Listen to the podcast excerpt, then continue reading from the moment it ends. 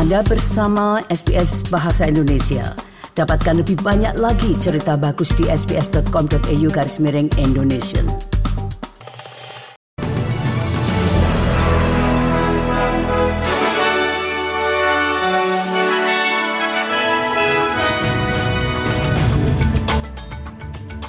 Sari berita untuk hari Jumat 16 Juni 2023.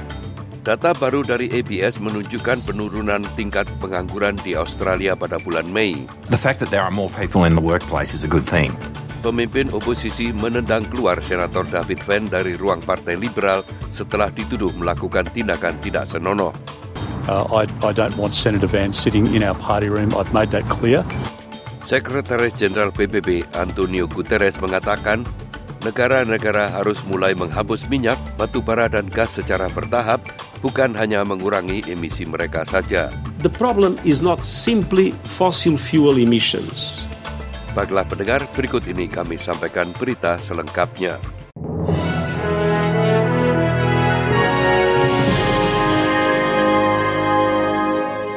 Berita selengkapnya. Perdana Menteri Anthony Albanese menggambarkan pertarungan politik atas bocornya pesan teks dan dokumen pribadi Brittany Higgins sebagai sesuatu yang tidak terlihat bagus untuk parlemen. Pihak oposisi federal telah melancarkan serangan berulang kali terhadap pemerintah di kedua majelis parlemen atas kemungkinan penggunaan tuduhan pemerkosaan mantan staf liberal untuk keuntungan politik. Menteri Keuangan Kathy Gallagher telah dituduh menyesatkan Senat dalam kasus pemerkosaan mantan staf liberal Brittany Higgins dengan mengatakan ia tidak mengetahui hal tersebut, namun pesan teks yang bocor menunjukkan sebaliknya. Senator Gallagher membantah tuduhan bahwa ia telah menyesatkan parlemen saat menjadi oposisi. Anthony Albanese mengatakan kepada ABC bahwa bocornya pesan itu seharusnya tidak terjadi. I think uh, Ms. Higgins' personal messages uh, with her partner to appear uh, in the paper in the way that they have is something that uh, shouldn't have occurred. And uh, I'm concerned about that. Data baru yang dirilis oleh ABS mengungkapkan tingkat pengangguran Australia turun 0,1 poin menjadi 3,6 persen di bulan Mei. Menurut Kepala Statistik Tenaga Kerja ABS, Bjorn Jarvis, penurunan tersebut dapat dikaitkan dengan ekonomi yang menambahkan 76 ribu pekerjaan bulan lalu dan jumlah pengangguran berkurang menjadi 17 ribu orang. Peningkatan lapangan kerja di bulan Mei juga mengakibatkan jumlah orang yang bekerja di Australia mencapai 14 juta untuk pertama kalinya. Wakil Perdana Menteri Richard Miles mengatakan kepada Nine News bahwa salah satu alasannya adalah lebih banyak orang mendapatkan pekerjaan karena kondisi tempat kerja yang membaik. The fact that there are more people in the workplace is a good thing, mm. unambiguously a good thing. I mean, for the first time, we've got more than 14 million Australians who are in employment. Under our government, we've created 465,000 jobs in our first year in office. Uh, and, I, and I think part of the story here is that work is a better place to be, which is why you are seeing more people in work uh, in the context of an economy which, relative to the rest of the world, uh, is strong. Pemimpin oposisi menendang keluar Senator David Venn dari ruang Partai Liberal setelah dituduh melakukan tindakan tidak senonoh. Dutton mengatakan kepada Nine News bahwa ia telah menanyakan tuduhannya lagi kepada Senator Venn yang menyebabkan keputusannya untuk menendang keluar Senator Venn dari ruang partai. Made the decision. Uh, I believe it's in the best interest of the Liberal Party, and uh, uh, that's what I've uh, acted upon. And uh, I, I don't want Senator Van sitting in our party room. I've made that clear.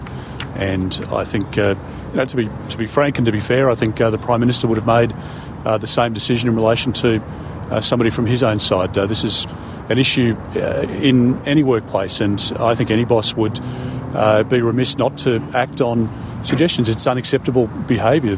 Sebelumnya, mantan Senator Amanda Stoker menuduh Senator David Venn secara tidak pantas dua kali menyentuhnya pada acara minuman di parlemen pada tahun 2020.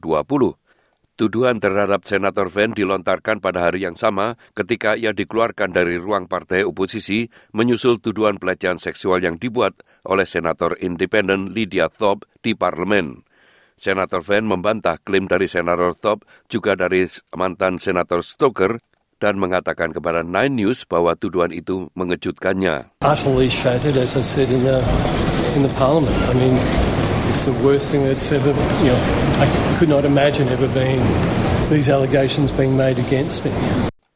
Kepala Badan Energi Atom Perserikatan Bangsa-Bangsa telah mengunjungi pembangkit nuklir Saporizhia yang dikontrol oleh Rusia di Ukraina. Ia mengatakan tidak realistis untuk mengharapkan kedua belah pihak menandatangani dokumen tentang keamanan situs tersebut sementara pertempuran terus berlanjut. Rafael Grossi, Kepala Badan Energi Atom Internasional, memeriksa keadaan pembangkit listrik tenaga nuklir itu setelah bendungan Kharkovka hancur di hilir sungai Dnipro minggu lalu. Pembangkit tenaga listrik itu menggunakan kolam pendingin untuk menjaga enam reaktornya dari panas berlebihan yang berpotensi menimbulkan bencana. Air dari dam Kharkovka biasanya digunakan untuk mengisi ulang kolam pendingin itu, namun tidak dapat dilakukannya sekarang karena permukaan airnya yang turun setelah bendungan itu jebol. Grossi mengatakan itu adalah sesuatu yang akan mereka pantau dengan sangat cermat. One of the most uh, serious consequences of the destruction of the Nova Kakhovka dam has been the uh, decrease in the level of waters which, are, which is needed to cool the nuclear power plant behind me. And then behind me, what you can see is the cooling pond. Uh, essential for the safety of this plant is that the water that you see behind me stays at that level. There is evaporation, there can be some leak, but it has to be maintained at that level. Sekretaris Jenderal PBB Antonio Guterres mengatakan negara-negara harus mulai menghapus minyak, batu bara dan gas secara bertahap dan tidak hanya mengurangi emisi mereka. Guterres telah mendesak perusahaan bahan bakar fosil untuk berhenti dan menghentikan langkah-langkah yang menurutnya menghambat kemajuan iklim. Pernyataannya itu dikeluarkan setelah produsen minyak Uni Emirat Arab yang akan menjadi tuan rumah negosiasi perubahan iklim PBB atau COP28 akhir tahun ini mengatakan pertemuan itu harus berfokus pada penghapusan emisi secara bertahap, bukan bahan bakar fosil. Sekretaris Jenderal PBB mengatakan mengakhiri kebergantungan kepada bahan bakar fosil sangat penting untuk mencapai kemajuan iklim. The problem is not simply fossil fuel emissions. It's fossil fuels, period. The solution is clear. The world must phase out fossil fuels in a just and equitable way, moving to leave oil, coal, and gas in the ground where they belong, and massively boosting renewable investment in a just transition. Tim penyelamat sedang mencari korban yang selamat di Laut Yunani menyusul kecelakaan kapal yang menewaskan sedikitnya 78 migran. Kapal itu terbalik dan tenggelam pada hari Rabu pagi di laut sekitar 80 km dari kota pantai selatan Pilos. Laporan menunjukkan antara 400 sampai 700 orang berada di kapal penangkap ikan yang berangkat dari pelabuhan Tobruk di Libya. Pihak berwenang Yunani mengatakan 100 orang yang selamat telah dibawa ke darat sejak terjadi insiden itu.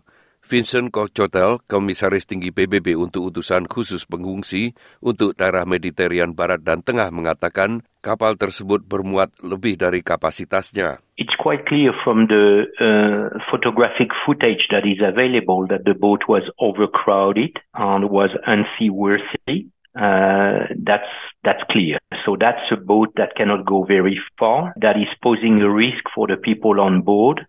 And whatever what people have said or may have said to the Hellenic Coast Guards or to the merchant vessels that approached that boat, the, that boat should not have continued its daily journey. Topan Biparjoy telah mendarat di India dan membawa angin kencang, hujan lebat, dan air pasang tinggi yang menerjang pantai Gujarat di India. Pihak berwenang merelokasi lebih dari 180 ribu orang ke tempat yang aman dari sepanjang pantai India dan di negara tetangga Pakistan. Para pejabat mengatakan kota-kota pesisir yang sepi telah rusak karena listrik telah padam setelah tiang listrik tumbang dan beberapa pohon juga tumbang akibat angin kencang itu. Direktur Jenderal di Departemen Meteorologi India atau AMD, Murutunjay Muhaparta mengatakan cuaca yang bergolak diperkirakan akan berlanjut hingga tengah malam nanti. Heavy rainfall is continuing, it will continue and heavy to extremely heavy rainfall is expected.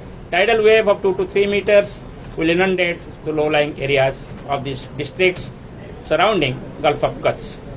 So up to midnight, the landfall process will continue and hence it is the most dangerous part of the cyclone. sukai, berbagi, komentar.